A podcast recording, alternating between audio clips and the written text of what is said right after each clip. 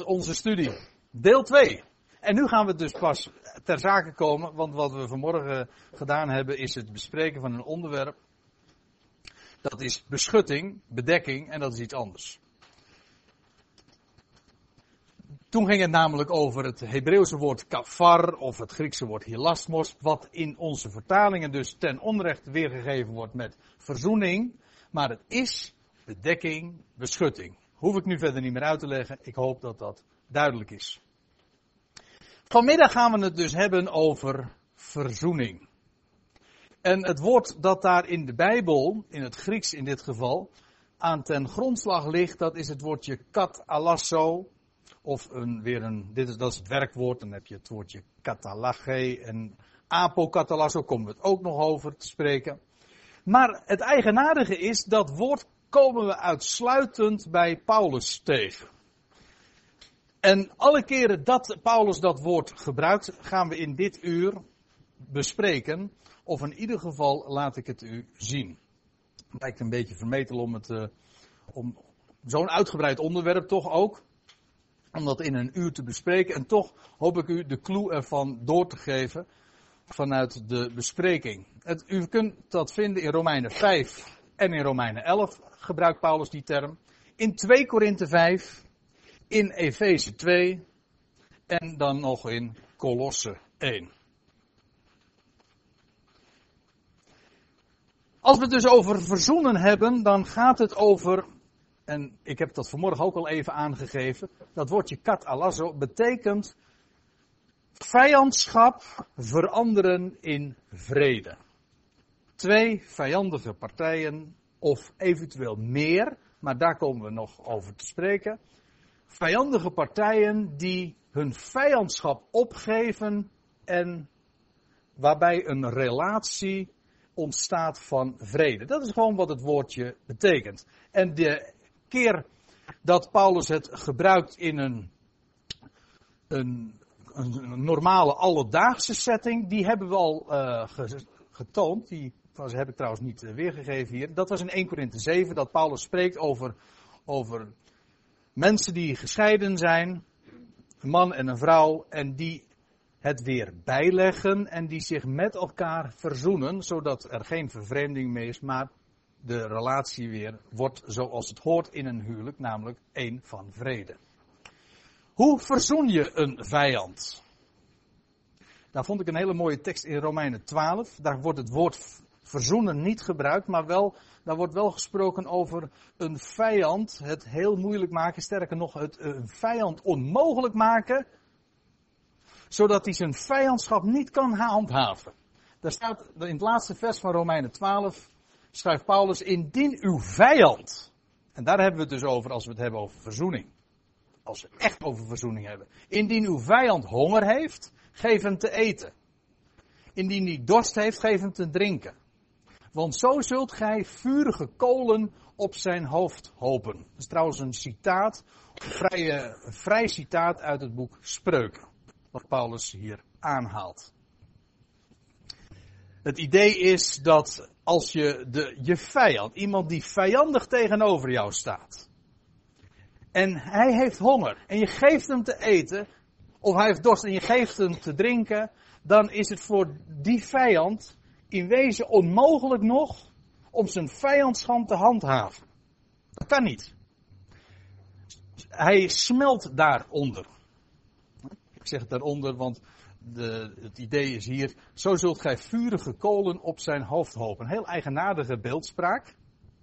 Maar het is onmogelijk om daarmee rond te lopen. Het is onmogelijk om daarmee jezelf te handhaven met vurige kolen op je hoofd. Dat is, dat is de gedachte. Ik zeg er trouwens nog even bij dat vurige kolen in de Bijbel nog wel eens een keertje voorkomen. En pak, het, uh, pak de concordantie maar eens een keertje. En lees hoe, hoe en in welk verband vurige kolen gebruikt worden. Ik denk bijvoorbeeld in Jezaja 6. Waar Jezaja de Heer ziet op zijn troon en dan wordt hij aangeraakt door een vurige kool van het altaar. En dan worden zijn lippen aangeraakt en dan staat er ook, dan wijkt zijn ongerechtigheid en zo wordt hij in staat gesteld om een profeet om de mond van God te worden. Doordat hij aangeraakt werd met de vurige kool van het altaar. Het heeft dus ook te maken met vurige kolen, met het altaar, oftewel met het slachtoffer. Met hem die verhoogd werd uit de dood. Na zijn slachting. Ik zeg dat er eventjes tussen twee haakjes bij. Het gaat nu eventjes punt. Deze, dit vers laat zien hoe je een vijand inderdaad verzoent. Romeinen 5, dat is de plaats waar we als eerste naartoe gaan. Daar staat, want niet licht zal iemand voor een rechtvaardige sterven, maar misschien heeft iemand nog de moed voor een goede te sterven. Dat is wel een, een opperste daad van wegcijferen en van opoffering en van, van liefde. Maar God doet dat niet eens. God gaat veel verder. En dan staat er in vers 8, God echter bewijst zijn liefde jegens ons doordat Christus toen wij nog zondaren waren voor ons gestorven is.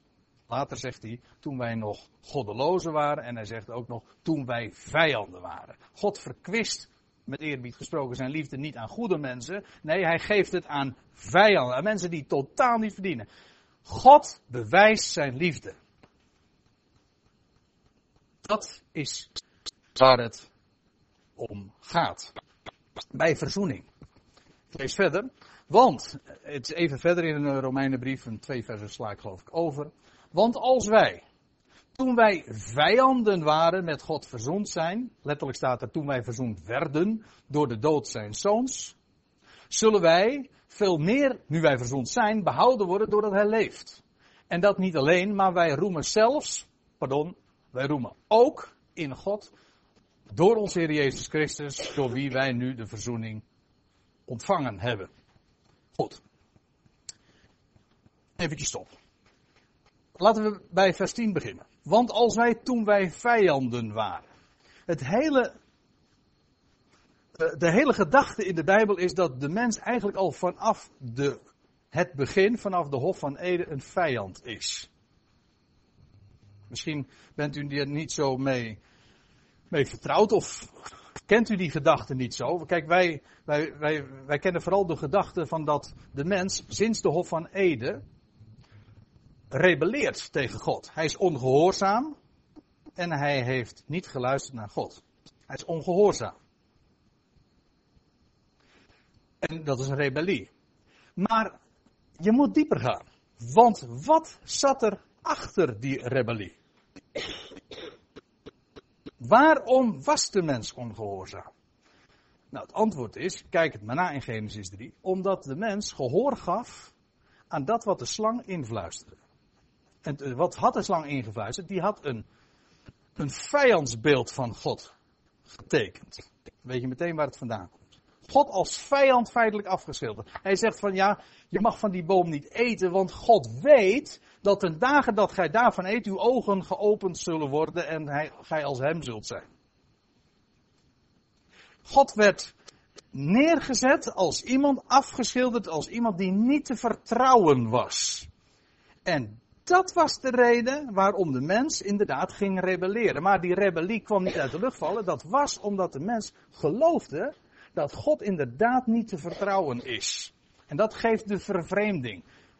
Want eh, vijand, eh, verzoening heeft niet alleen maar met vijandschap te maken, maar ook met vervreemding. Ik kom daar straks wellicht nog even op terug als we Colossense lezen. Maar de mens is een vijand van God. En ook bang voor God trouwens. Daarom is een mens ook religieus.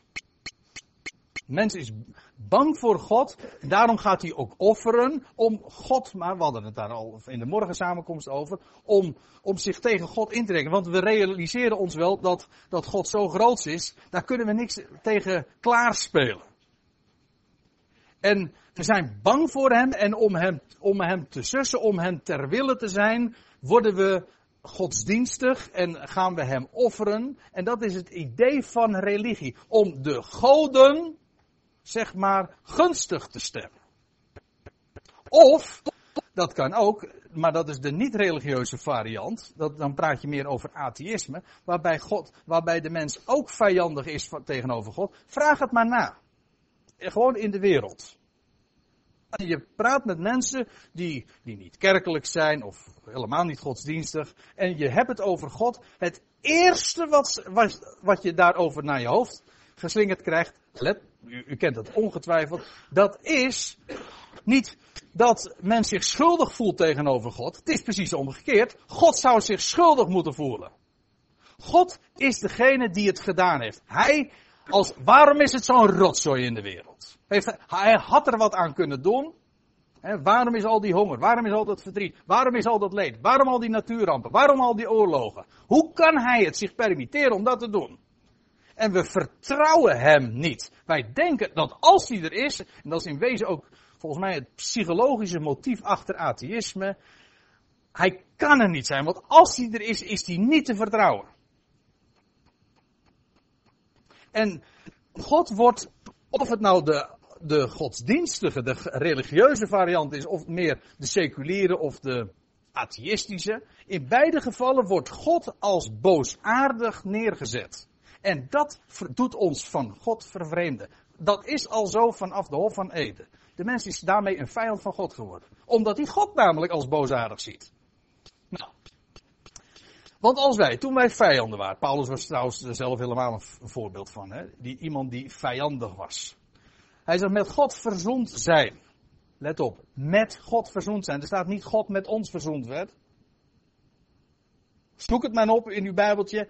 Het staat er nergens. Ik weet het, het is een van de standaardformuleringen in de theologie, in de traditionele theologie, waarbij men zegt, God moest met de mens verzoend worden. U vindt het nergens.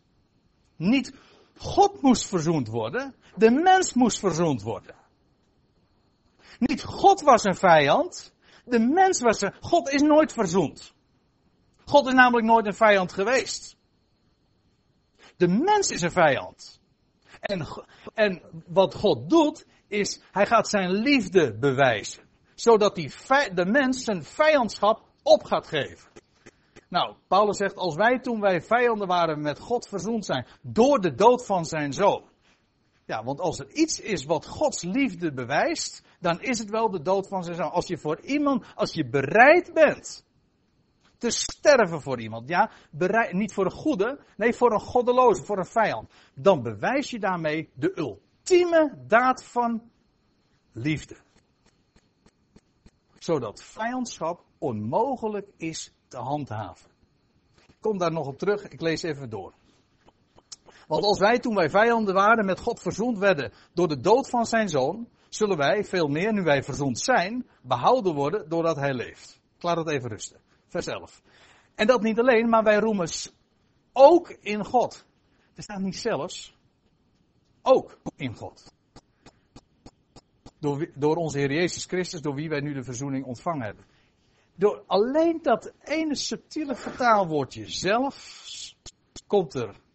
Daar, daar zit een theologie achter. Daar zit ook weer dat idee achter.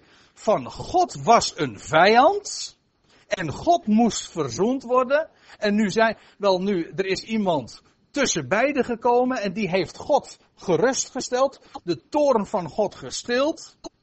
En nu kunnen we ook eh, weer zelfs roemen in God die zo, ons zo vijandig gezind was. Maar dat is helemaal, alles is uit God. Kom, daar, dat laat ik straks ook nog zien. Het is, niet, het is niet zo van dat God boosaardig was. Nee, God is juist degene die zijn liefde wilde bewijzen. Wij roemen in de Heer Jezus Christus die het alles, die inderdaad uh, degene is die stierf. Maar wij roemen bovenal in God die dat alles zo bedacht en gerealiseerd heeft. Dus niet we roemen zelfs in God, we roemen juist ook in God. Door, ons, door onze Heer Jezus Christus, want u weet het, hè, dat, is, dat is de Bijbelse formulering, haast standaard. Het is alles uit God en door onze Heer Jezus Christus door wie wij nu de verzoening ontvangen hebben. Romeinen 11, ja, ik ga door. Want er zijn de, nogal wat schriftplaatsen toch die uh, besproken moeten worden. Dat is de volgende plaats waar Paulus spreekt over verzoening. Het verband is, dat handelt over Israël, Romeinen 9, 10 en 11. En Paulus zegt dan in vers 15, Want indien hun verwerping, het gaat hier over de verwerping van Israël, van de Messias. Indien hun verwerping de verzoening der wereld is, wat zal hun aanneming anders wezen dan leven uit de doden? Wat Paulus in deze hoofdstukken naar voren brengt, is dat het nee van Israël tegen de Messias, tegen het koninkrijk. In het hele boek, het gaat hier trouwens niet over de kruisiging, want dan moest alles gebeuren, maar het gaat er ook over wat er in de handelingentijd plaatsvond. Namelijk dat toen aan hen het koninkrijk gepredikt werd. De koning werd gepredikt. Hij die opgestaan was uit de dood. En als ze toen in die dagen tot geloof waren gekomen in deze koning. Wel, dan had het koninkrijk in deze wereld gestolte gekregen.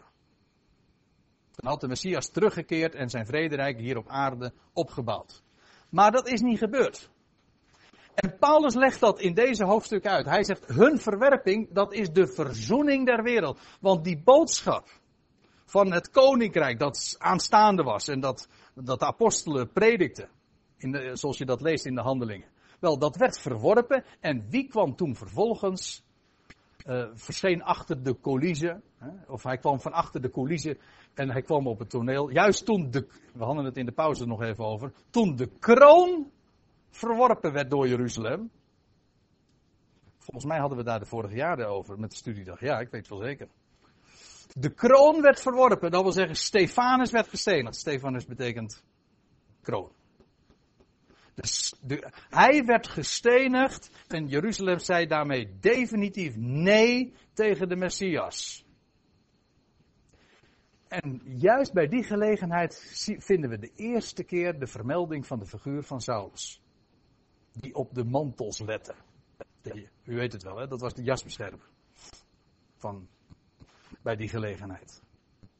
Daar zit een heleboel achter. Ik wil daar nu eventjes niet op ingaan. Het gaat me nu even erom dat toen Israël nee zei, verwierp, wel, toen ging God een ander roepen. Een dertiende apostel.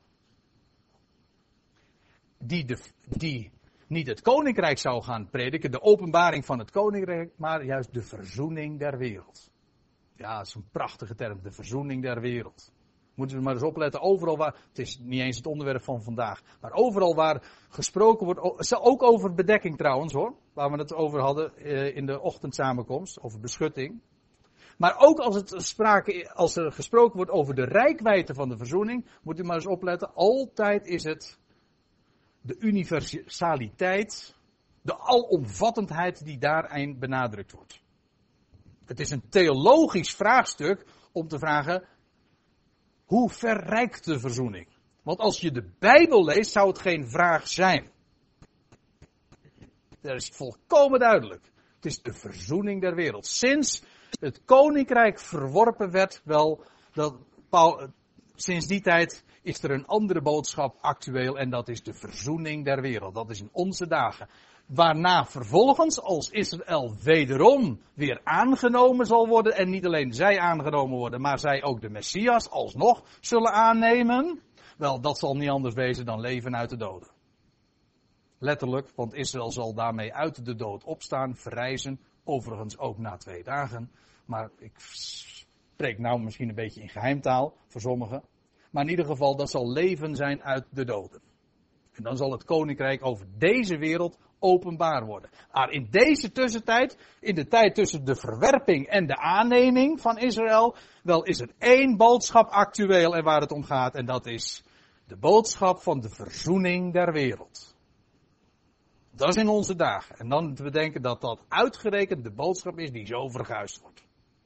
Maar daar gaat het nu juist over. Over die boodschap van de verzoening der wereld. De boodschap die de apostel Paulus mocht prediken. Hij is immers degene, sowieso, degene die uh, dat woord uitlegt en, en predikt. En in zijn brieven ook naar voren brengt. 2 Korinthe 5. Dat is een, een uh, schriftplaats waar Paulus vrij uitgebreid op de verzoening ingaat. En het is een goede zaak om daar wat nader aandacht aan te geven. Ook daar vinden we weer, ik lees vanaf vers 14, de benadrukking van die liefde. Want ja, daar gaat het bij verzoening om. Is niet, het gaat dus niet over het, het niet doen van de, van, de rebel, eh, van de rebellie, of het neerslaan van de mensen die ongehoorzaam zijn. Nee, het gaat bij verzoening om de ander weer winnen. Die vijandschap, de ander die vijandig was. Je kunt een vijand wel onder je voeten doen uh, zetten. Hè? Hoe staat het er in de Bijbel? Ook daarvan is in de Bijbel sprake. Die de vijanden legt onder, als een voetbank voor zijn voeten. Maar daarmee heb je je vijand nog niet verzond. Daarmee heeft die ander zijn vijandschap nog niet, te niet is daarmee nog niet te niet gedaan. Als je die ander wil winnen, zul je liefde moeten geven. En dat is precies ook waar het om gaat. God bewijst zijn liefde. Nou, vers 14 van 2 Korinthe 5. Want de liefde van Christus dringt ons. Let op, de liefde van Christus. Hè? Het gaat niet de liefde tot Christus. Nee, het is zijn liefde die Paulus en zijn medewerkers drong. Zij waren zich bewust van, Gods van de liefde van God in Christus. En dan zegt hij, is dat iets mystieks? Nee, helemaal niet, want in vers 15 legt hij dat uit. Hij zegt, daar wij tot het inzicht gekomen zijn, dat één voor allen gestorven is. Zie daar. Dat is liefde. Begrijpt iedereen. Iedereen begrijpt dat als je je leven geeft, in de waagstraal stelt voor een ander, dan is dat liefde. Zeker als je dat doet voor vijanden. Het, is nog veel sterker hoor, maar daar kom ik straks nog terug, op terug. Maar één stierf voor allen. Hier, let hier weer op dat woordje allen. Eén stierf voor allen. Tot dat inzicht zijn we gekomen. En daarom zegt Paulus, de liefde van Christus dringt ons. En hij stierf voor allen. En dan staat er, dus zijn allen gestorven. En voor allen is hij gestorven, opdat zij die leven niet meer voor zichzelf zouden leven, maar voor hem, die voor hen gestorven is en opgewekt. Dus waarom stierf die ene voor allen? Nou, om voor hen te worden opgewekt. Kijk, je sterft toch niet zomaar voor, voor, voor een ander? Dat moet, dat moet je doen met een bepaald doel. Ik bedoel, ik, ik, ik hou veel van mijn kinderen, maar ik heb mijn leven nog niet voor hen gegeven. Ik hoop het trouwens nooit te hoeven doen. Nee, dat doe je wanneer, wanneer de ander, die jij zo lief hebt, in levensgevaar zijn. Of bedreigd worden door de dood dus. En dan stel je je leven in. En dan geef je je leven, dan sterf je. Waarom? Wel om de ander het leven te geven. Nou, dat is precies waarom de Heer Jezus stierf. Hij stierf om ons, de wereld, allen, het leven met een hoofdletter. Want het leven dat sterker is dan de dood. Om hen het leven te geven. Dus hij stierf voor allen. Waarom? Om te worden opgewekt. Nou, we hebben het nog niet over verzoening gehad, maar daar gaat Paulus het vervolgens over hebben. In vers 18. En dan zegt hij, en dit alles is uit God. Ik citeerde het zojuist al dat vers. Dit alles is uit God. Die door Christus ons met zich verzoent. Heeft staat er niet, het staat in de, in de zogenaamde aorist gewoon het feit wordt gesteld. Die ons met zich verzoent. En ons de bediening van de verzoening geeft. Zo staat het er eigenlijk. Let er trouwens weer even op. Met zich verzond. Er staat niet zich met de wereld verzonden. God verzoende zich niet met de wereld. Hij was namelijk geen vijand. De wereld was vijandig. Staat nergens in de Bijbel dat God zich verzonde met de wereld. En als je het zegt, dan ben je meteen de kloek kwijt. Dan ben je meteen, dan, dan is de hele essentie weg. Punt is, de mens is vijandig, de wereld is vijandig en God verzoent de wereld met zich. Hoe? Door Christus. Welke immers, vers 19, immers hierin bestaat dat God in Christus de wereld met zichzelf verzoenende was. Hoe dan? Door hun de overtredingen, dus niet, dat is niet correct trouwens, overtredingen staat er niet. Er staat gewoon de misstappen. Ja, overtreding is een heel ander woord. Dus eh, je hebt het, je hebt het woordje paraptoma, dat is. Uh, Dat is wat hier gebruikt wordt. En je hebt ook het woordje parabasis in het Grieks. En dat is overtreding. En dat wordt bijvoorbeeld gebruikt in Romeinen 4. Waar Paulus bijvoorbeeld zegt waar geen wet is, daar is ook geen overtreding. Dat is een heel ander woord. Overtreden heeft namelijk te maken met een wet. Dat is het woord wat hier niet gebruikt wordt. Het is hier het val. Hier wordt hetzelfde woord gebruikt als wat Paulus ook gebruikt in Romeinen 11 als hij zegt van hun val, hun misstap namelijk, de nastappen, dat is de gedachte. De nastap. Hun misstap is de verzoening der wereld. Nou, even vers, uh, naar vers 19 terug. In, welke immers hierin bestaat dat God in Christus de wereld met zichzelf verzoenende was. Hoe dan? Waarin bestond nou die verzoening van God? Waarin, hoe was God de wereld met zich verzoenende? Wel, door hun de misstappen, de krenkingen, niet toe te rekenen. Dat hij ons het woord van de verzoening heeft toevertrouwd. De wereld vermoorde, kruisigde Gods zoon, de, de dood van zijn zoon. Dat deed de wereld hem aan. Het was de grootste misdaad die de mensheid beging. En wat? En waaruit bestaat nou de verzoening? Wel, God rekent niet toe. Zelfs de ergste krenking, wanneer je je zoon wordt vermoord, niet toerekent, dat is verzoening optima forma. Dat is de ultieme verzoening. Hij rekent het hen toch niet toe. En wanneer bewees hij dat? was zijn opstanding. Want toen liet hij hem de wereld vermoord zijn zoon. En vervolgens, drie dagen later, wekt hij zijn zoon op voor diezelfde wereld om hen het leven te geven. Dat is verzoening. Dat is vurige kolen op het hoofd stapelen. Dat terwijl de vijandschap tot een hoogtepunt, of eigenlijk moet je zeggen tot een dieptepunt daalde, of tot een hoogtepunt steeg, net hoe je het zeggen wilt. Daar waar de vijandschap zo uh, tot een toppunt steeg, juist toen bewees God zijn liefde. Want juist door die daad gaat God aan de mensheid het leven geven.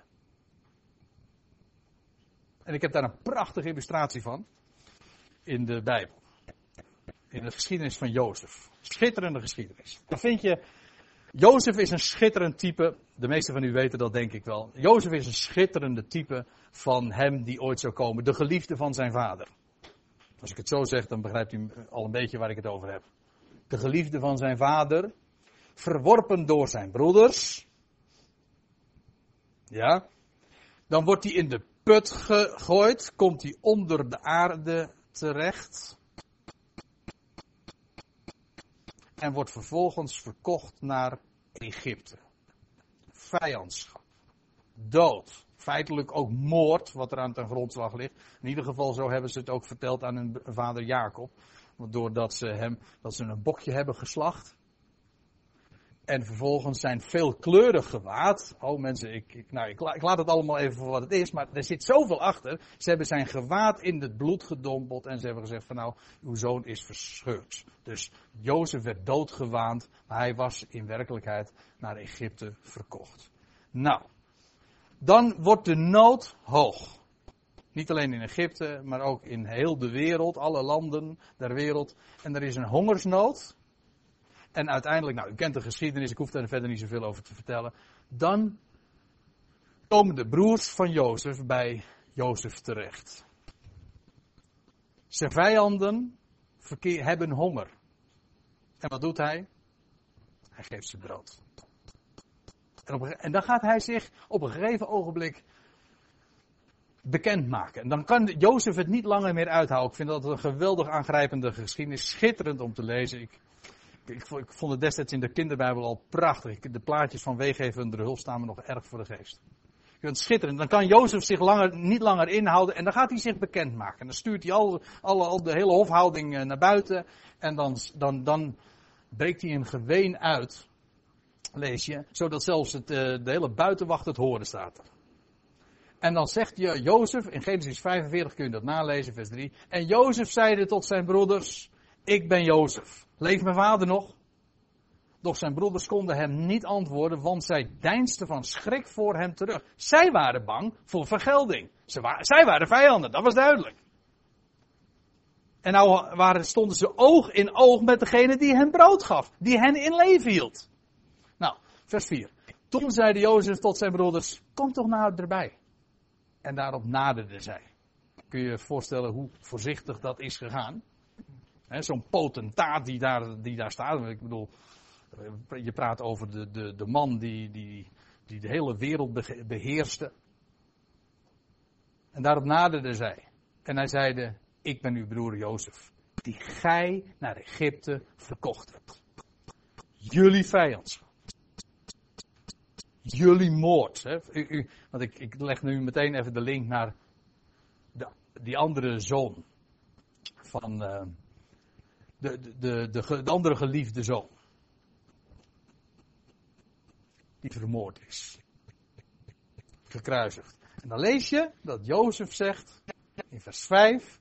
Maar wees nu niet verdrietig en ziet er niet zo ontsteld uit, omdat gij mij hierheen verkocht hebt. Want om u in het leven te behouden, heeft God mij voor u uitgezonden. Dat is verzoening. Ik lees nog even verder voordat ik dat nog een paar dingen over wil zeggen. En dan zegt, uh, zegt Jozef nog dit. Daarom heeft God mij voor u uitgezonden om u een voortbestaan te verzekeren op aarde en om voor u een groot aantal geredden in het leven te behouden. Dus zijt gij het niet die mij hierheen gezonden hebt, maar God. Zij begaan de misdaad. En Jozef rekent het hen totaal niet toe. En niet aan. Helemaal niet. Hij zegt, weet je waarom dat zo gebeurd is? Jullie hebben het niet gedaan. God. Weet je waarom? Om jullie in het leven te houden. Om jullie het leven te gaan geven. Dit is een, het allermooiste plaatje dat ik in de Bijbel heb gevonden van wat nou verzoening is. Waar Paulus over spreekt. De wereld vermoordt de zoon, maar juist daardoor gaat God aan de wereld het leven geven. Juist door die moord. Dat is verzoening. Dat is het hart winnen van elke vijand. Niet God is een vijand en hij eist genoegdoening. Nee, de mens is vijandig en God wil die mens winnen. Hij gaat hen het leven geven hij gaat hen het leven geven. Met een hoofdletter, opstandingsleven. En om hen in het leven te behouden. Nou, precies zoals met Jozef. Hij zegt niet, hij zegt, ja, jullie hebben het wel gedaan. Maar eigenlijk niet. Het is Gods werk geweest. Zo moest het gebeuren. Waarom? Om jullie het leven te geven. Nou, dat is verzoening. Niet dus die vuist op tafel, die agressieve God, die genoeg, ja, ik, want ik kan niet anders zeggen dan dat dat uh, toch in ieder geval de indruk is die telkens wordt opgewekt. Een God die genoegdoening eist. Nee. God die vrede maakt. Om u in het leven te behouden, heeft God mij voor u uitgezonden. Uh, schitterend. Dan ga ik weer even terug naar 2 Korinthe 5. dit was een toelichting op wat er staat. Dat God was in Christus de wereld met zich verzoenende. En dan staat er door hun de overtredingen, de misstappen, de krenkingen niet toe te rekenen. Nou, dat heeft inderdaad God niet gedaan. God heeft de grootste krenking, zelfs de grootste krenking, heeft hij er niet toegerekend. Hij zegt, ik reken het jullie niet aan. Het is niet mijn schuld hoor. Nou, in wezen heeft God, neemt God nog de schuld op zich ook. Maar het is dan geen schuld meer, maar het is de eer. Het is mijn werk. Waarom? Om jullie het leven te geven. En zodat jullie, zodat bij, bij deze definitief het bewijs is geleverd dat ik jullie niet boosgezind ben. Dat ik niet jullie, eh, dat ik erop uit ben om jullie, eh, om jullie kwaad aan te doen. Als er kwaad is, dan is dat juist om jullie het allergrootste goed te geven. Dat is precies ook de reden, maar daar hebben we het eerder van dit seizoen ook over gehad, waarom God het kwaad geschapen heeft. Namelijk opdat de mens het goede zou leren kennen. Daarom. Maar de mens denkt dat God, de, uh, de, mens, de mensheid denkt, en dat is de vijandigheid die er al vanaf de Hof van Eden in zit. De mens denkt dat de God vijandig is, dat de God boosaardig is en dat hij het kwaad om het kwaad heeft geschapen. Dat is niet zo. Integendeel, hij, hij wilde juist de mens het goede leren kennen.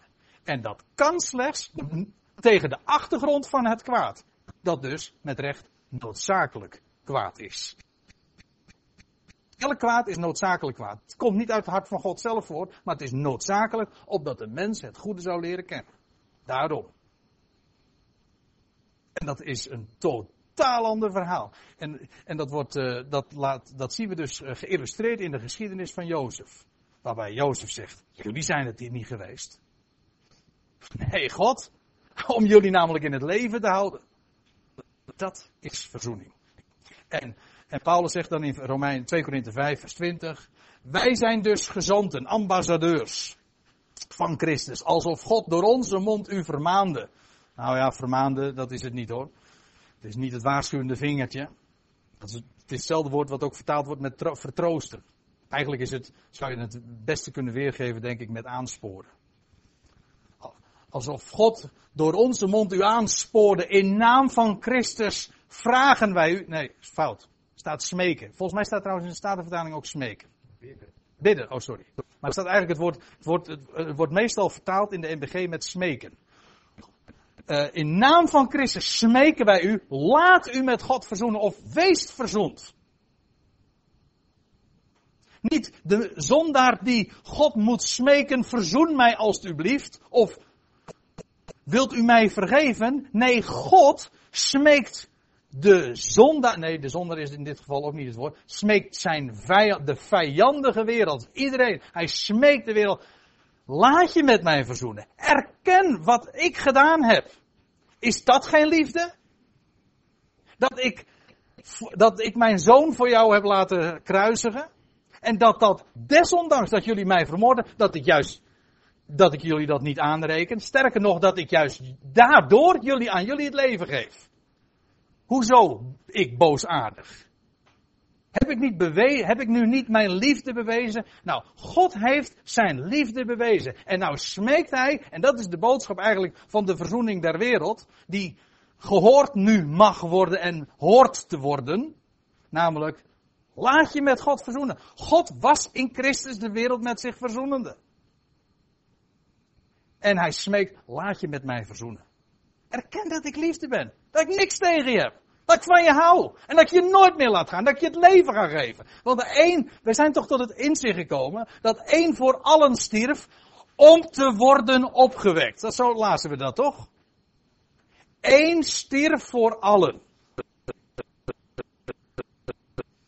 En één werd voor allen opgewekt. Daarom stierf hij.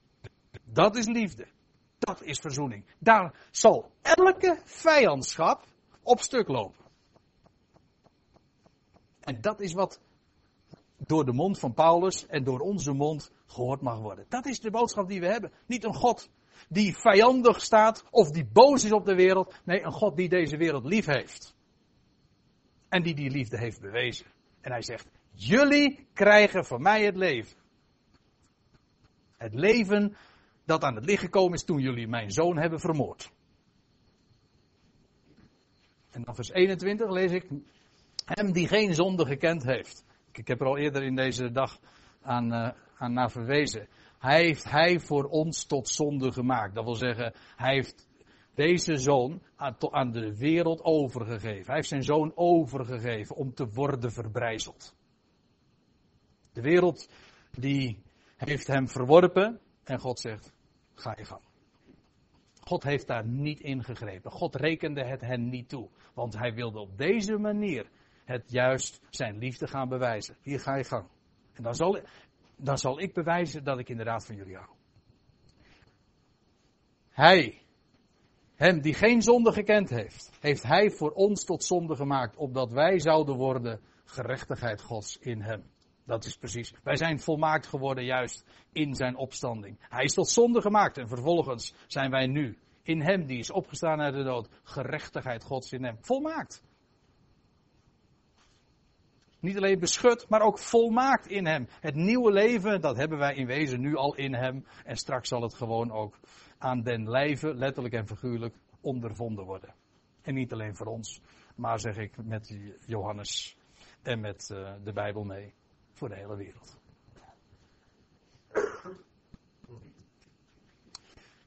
Dan gaan we nu naar Efeze 2. Daar wordt een iets ander woord gebruikt. Nou, ook het woordje kat alasso, maar het nog versterkt. Daar wordt namelijk nog een voorzetsel voor gebruikt. Apo. Apo katalasso. Zo steek je toch nog wat Grieks op, hè? Kan ook wel uh, geen, geen kwaad. Dat wordt in onze vertaling weergegeven met wederverzoenen. Maakt me even niet zoveel uit hoe ze het weer hebben gegeven. Het gaat erom dat, uh, dat uh, katalasso wordt weergegeven met verzoenen en apokatalasso met wederverzoenen. Paulus gebruikt dat woord in zijn gevangenisbrieven. Het is, uh, het gaat, is meer dan alleen verzoenen. Het is letterlijk, apo betekent vanaf. Vanaf verzoening. Daar hebben we Marcel. Ja. Welkom joh. We zijn zo ongeveer halverwege, maar dat geeft niet. Hier is nog een stoel, Marcel. Niet aan mijn rechterhand, maar. Hier, hier, hier, helemaal in de hoek. Ja. Maar verzoening. En dat, hier wordt dus een apart woord gebruikt en dat is. Hier wordt een uh, apokatalasso gebruikt en dat is nog veel sterker. En laat ik eerst even die versen voorlezen. Want hij is onze vrede die de twee één heeft gemaakt. Die de twee één maakt. Aorist staat. De twee, daar moet ik even iets uh, even bij vertellen over het verband. Want het gaat hier over Jood en Heiden. Want, en dat, dat werpt dan meteen ook heel veel licht op dat woordje apokatalasso. Ik wil daar niet moeilijker over doen dan dat het is.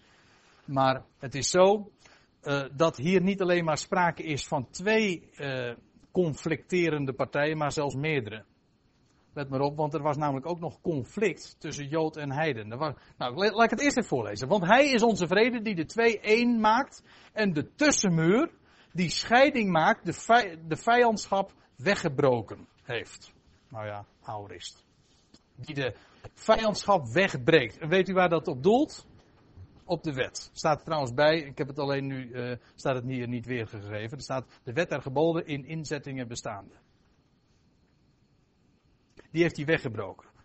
Want het was, dat was de tussenmuur, dat was wat de Jood scheidde van de heiden. Waardoor er vijandschap was van de Jood naar de heiden. Die werden als honden beschouwd. En omgekeerd ook de heidenen die uh, het niet hadden op de Joden. Die zo'n aparte plaats innamen. Nou, er was, een, er was een muur tussen hen. Letterlijk, letterlijk zelfs bij het Tempelplein was er een muur tussen de Joden en, en degenen die niet Joods waren. En weeën gebeent het als je als heiden het terrein betrad van de Joden. En de muur passeerde. Daar stond zelfs de doodstraf op.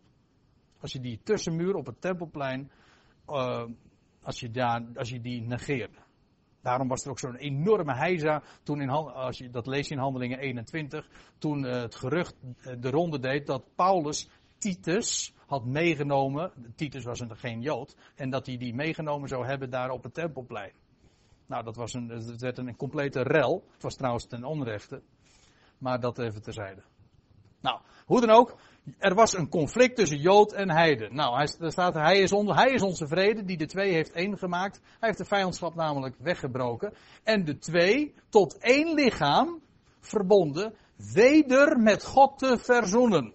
Door het kruis waaraan hij de vijandschap doodt. Lees het meteen goed. En in dit verband wordt er gesproken over apokatalasso. Dus niet alleen maar van verzoenen, maar van nog meer dan dat. En dat is ook logisch, want er is nu niet alleen maar sprake van de mens die uh, verzoend wordt met God, die zich verzoent met God, of de mens die verzoend wordt met God, als leidend voorwerp. Maar er is bovendien ook nog eens een keertje sprake van de twee die vijandschap hebben ten opzichte van elkaar. En die, en die, daar wordt dus niet alleen maar, laat ik het zo zeggen, er wordt niet alleen verticaal vrede gemaakt, maar ook horizontaal. En dat is wat hier aan de, aan de hand is. Dus de twee tot één lichaam verbonden. Dat is op zich al verzoening, want er was vijandschap. Weder met God te verzoenen. Dus er is een verzoening horizontaal. Vrede. De muur tussen Jood en Heiden wordt weggebroken. En vervolgens de twee worden met God verbonden, uh, verzoend. En dat is apokatalasso. Dus dat apokatalasso gaat nog verder. Dat is dus een complete verzoening. Een van de vertalingen die ik ook gelezen heb is, uh, die vertaalt het met afverzoenen. Dat is natuurlijk helemaal geen goed Nederlands, dat weet ik ook wel. Maar ja, uh, vergis je niet, het is heel leuk. realiseer ik me, het is ook geen goed Grieks. of in ieder geval, het is geen, Paulus gebruikt hier een woord. U kunt het in alle handboeken nalezen. Paulus gebruikt hier een woord in de gevangenisbrieven, apokatalasso, dat nergens in de Griekse literatuur gevonden wordt. Het woord katalasso komt zo vaak voor. Maar het woordje apokatalasso komt, kom je nergens tegen. Het is gewoon een woord dat Paulus zelf heeft nou, uitgevonden, of in ieder geval gebruikt. Nergens wordt het gebruikt.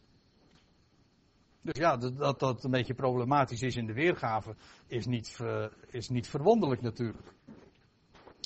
Dus dat is wat, het woord wat hij hier gebruikt. Apokatalos gaat nog verder dus. Dat is een complete verzoening. Want u weet het, hè? Als God iets doet, dan doet hij het goed. En dan maakt hij het af ook. Niet een beetje, maar totaal. Radicaal, ja. Bij de wortel, hè, betekent dat. Van de wortel. Hij neemt er inderdaad ook, want dat is ook het, wat, het, uh, wat hij doet. Maar dan hadden we het zojuist over in verband met 2 Korinthe 5. Hij neemt de wortel weg. De, dat, dat hele idee, dat beeld dat de mens heeft van God. Dat deugt niet. Het idee dat God niet te vertrouwen zou zijn. Dat hij eigenlijk boosaardig is. En dat zit er zo bij de mensheid in. Godsdienstig of niet. Ik zou haar zeggen bij de godsdienstige wereld feitelijk nog meer. God is eigenlijk niet te vertrouwen. Het probleem is niet in de eerste plaats, misschien moet u, kijkt u daar ook van op. Het probleem is niet in de eerste plaats dat de mens een rebel is. Je moet nog dieper gaan. Hij wantrouwt God. En dat maakt hem rebels. Want als dat wantrouwen niet was geweest, had Adam niet en Eva niet van die vrucht gegeten. Heb je daar wel eens over nagedacht? Het probleem is dus dat beeld dat de mensheid vanaf het begin werd voorgespiegeld door de leugenaar wie God zou zijn. Namelijk boosaardig. En dat, dat laat zich dus ook niet oplossen door gewoon de tegenstand neer te slaan. Want je kunt wel de tegenstand neerslaan, maar daarmee heb je de beschuldiging nog niet ontkracht. Hebt u die? Je kunt wel de tegenstander die jou beschuldigt, kun je bij wijze van spreken zelfs onder de voet lopen en je kunt hem vermoorden, je kunt hem het zwijgen opleggen. Maar daarmee heb je de beschuldiging die die vijand geuit heeft nog niet weerlegd. Dus sinds de Hof van Ede ligt er inderdaad aan het adres van God een beschuldiging. Hij is boosaardig. En Daarom moest God ook een bewijs gaan leveren dat hij dat niet is. En dat heeft God inderdaad op de meest ultieme manier gedaan. Namelijk door daar waar de vijandschap tegen hem tot het hoogtepunt kwam, verder kon het niet gaan, daarvan zegt God. En nou ga ik jullie het allermooiste geven. Nu, op, juist via die weg. Zoals we dat ook lazen in de geschiedenis van Jozef. En daarmee heeft God dus de beschuldiging die er was sinds Genesis 3 weerlegd. God heeft het tegendeel bewezen. En dan gaan we tenslotte naar de laatste schriftplaats. Nee, wacht even. Ik moet dat nog eventjes toelichten over dat verzoenen en wederverzoenen. Ik zal eens even schematisch. Dus je hebt in de, in de brieven van Romeinen en 2 Korinthe wordt er gesproken over verzoenen. En dat is het woordje katalasso, dat is gewoon het werkwoord, het Griekse werkwoord. En dat komen we tegen in Romeinen en 2 Korinthe. En dat woord, dat betreft twee partijen, God en de mens in dit geval. Dat, dan kom je vervolgens in de gevangenisbrieven, Efeze en Colossense, kom je ook nog het apokatalasso tegen. En dat wordt vertaald met wederverzoenen. En dat betreft meerdere partijen. waarbij, niet, waarbij de twee weder tot God verzoend worden. Dus niet alleen maar één met God, maar ook horizontaal wordt ook alles recht gezet of tot vrede gebracht om vervolgens ook tot God verzoend te worden. Nou, dat heb ik, hoop ik, duidelijk genoeg gemaakt. Het is in wezen niet zo problematisch. Het is helemaal niet problematisch eigenlijk. En dan komen we tenslotte op Colossense 1. Dat is de laatste keer dat Paulus deze, dit uh, woord gebruikt. Het is de laatste keer dat we het woord kat alasso of een vervoeging daarvan in de schrift tegenkomen. En ik moet u zeggen, meteen ook het hoogtepunt. Het is de tekst ook waaraan uh, de vreselijke dwaalleer van de alverzoening wordt gekoppeld. Want het woord alverzoening wordt, uh, is ontleend aan Colossense 1 vers 20.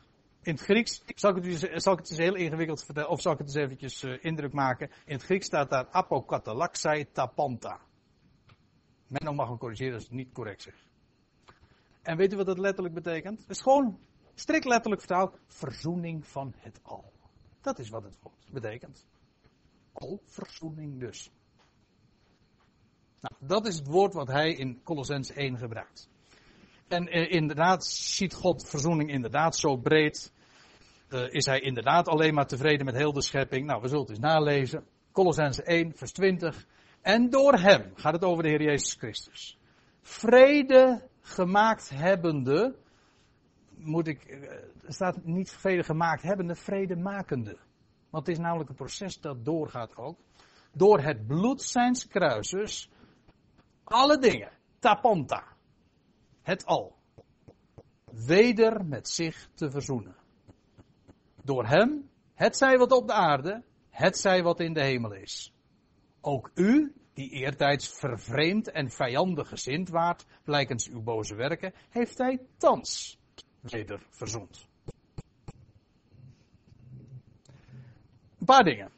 In de eerste plaats, ik heb al naar voren gebracht al een heleboel keren, maar hier zie je dat opnieuw weer bevestigd. Verzoening heeft te maken met vijandschap en vervreemding. Hier zie je dat ook in vers 21.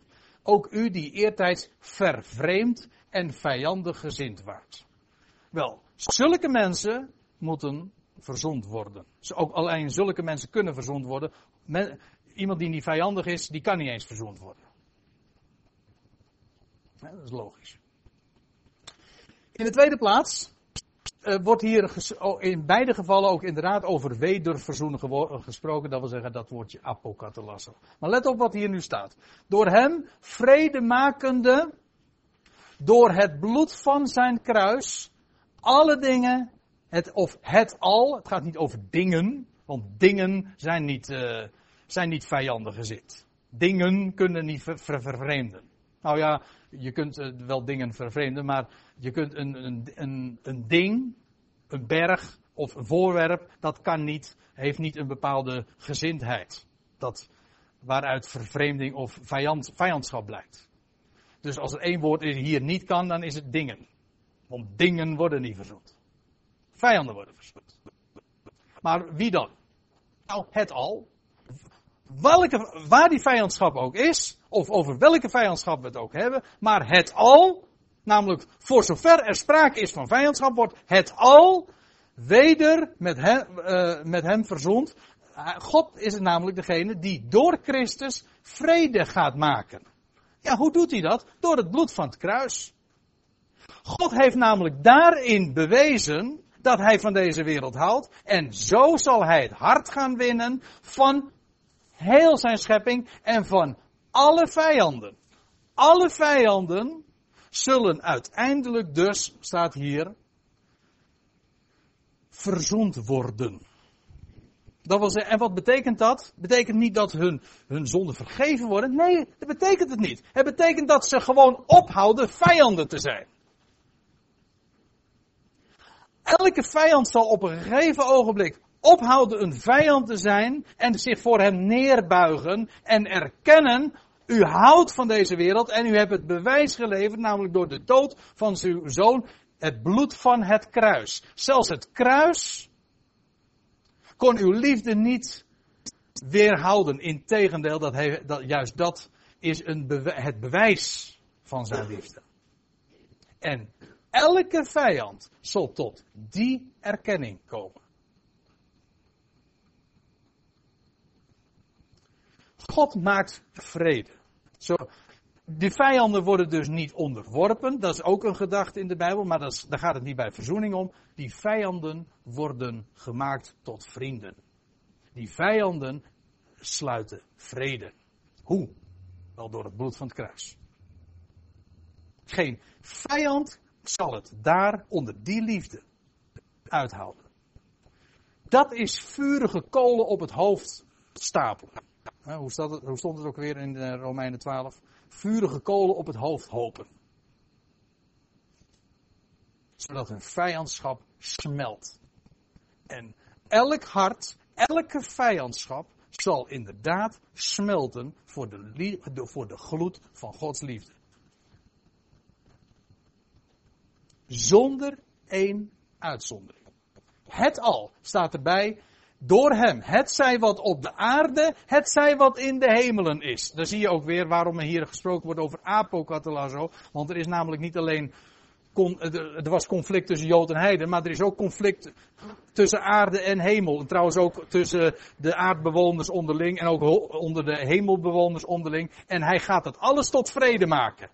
Op hemel en aarde onderling, maar ook hemel en aarde tot zich. Zodat daar een complete verzoening is zodat alles vrede wordt. En dat doet, dat doet God door het bloed van het kruis. Door dat ultieme bewijs van zijn liefde. Het zij wat op de aarde, het zij wat in de hemelen. Dus ook al die vijandige machten die er in de hemelen zijn. Hoe lazen we het vanmorgen in de Hebreeënbrief? Ontfermt God zich niet over de engelen? Houd toch op zeg. Hij, zijn barmhartigheid gaat over al zijn werken. En waar er ook maar vijandschap is, hij zal die vijandschap teniet doen. Dat wil, zeggen, dat wil zeggen, hij zal de vijandschap doen smelten, doen verdwijnen. Als vurige kool op een hoofd. Niet alleen maar op de aarde, niet alle vijandschap alleen op aarde, maar ook in de hemel. Ook die overste, overheden en machten, hoe die, die wereldbeheersers van deze boze Aion. Al die machten, kosmoswijd. Of zoals men heeft dat placht te zeggen, de godganse wereld.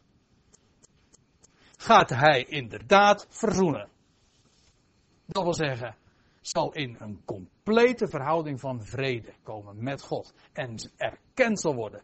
U houdt van deze wereld. U bent inderdaad degene die nooit laat varen de werken van uw handen. En hoe hebben we het ooit in ons hoofd kunnen halen?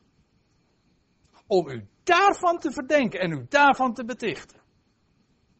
En dat de wereld overtuigd zal zijn van zijn liefde. Niet van zijn macht, ja ook, maar van de macht van zijn liefde. Ook u die eertijds vervreemd en vijandig gezind waart, blijkens uw boze werken, heeft hij thans wederverzoend. Let op het woord thans. Want die wederverzoening van het al, ach, dan moeten we nog even geduld hebben. Dat het al verzoend zal zijn, dat alles zal erkennen wie hij is. En zijn liefde zal zich onderwerpen en zijn liefde uh, overtuigd zal zijn van zijn liefde. Wel, dat, dat duurt nog even. Maar wij zijn thans reeds tot die erkenning gekomen. Heeft hij thans weder verzoend. En het wachten is inderdaad op het moment dat dat zal plaatsvinden voor heel de schepping. En God gaat dat realiseren. God is dat namelijk van plan. Hij heeft niet voor niks zijn zoon gegeven. Hij, dat, hij heeft zijn zoon gegeven, opdat de hele schepping met hem verzond zou worden. Opdat de wereld gered zou worden. En dan laat ik dan nog eventjes terugkoppelen, en dat is het laatste wat ik wil zeggen, want ik zie trouwens ook dat het tijd is. Dat is het laatste wat ik wil zeggen. En dan denk ik nog eventjes aan die figuur van Jozef. Want Jozef was niet alleen degene die zijn broers in leven hield, het leven gaf aan hen, maar het was ook de redder der wereld. Wat dacht je daarvan? Juist. Safnat Paaneach werd hij in Egypte genoemd. En dat betekent redder der wereld. Ja, mooi hè? Jozef als de redder der wereld. En die zegt van niet, gij hebt mij hierheen gezonden. God is het geweest om jullie in het leven te houden. Amen. We pauzeren nog een half uur.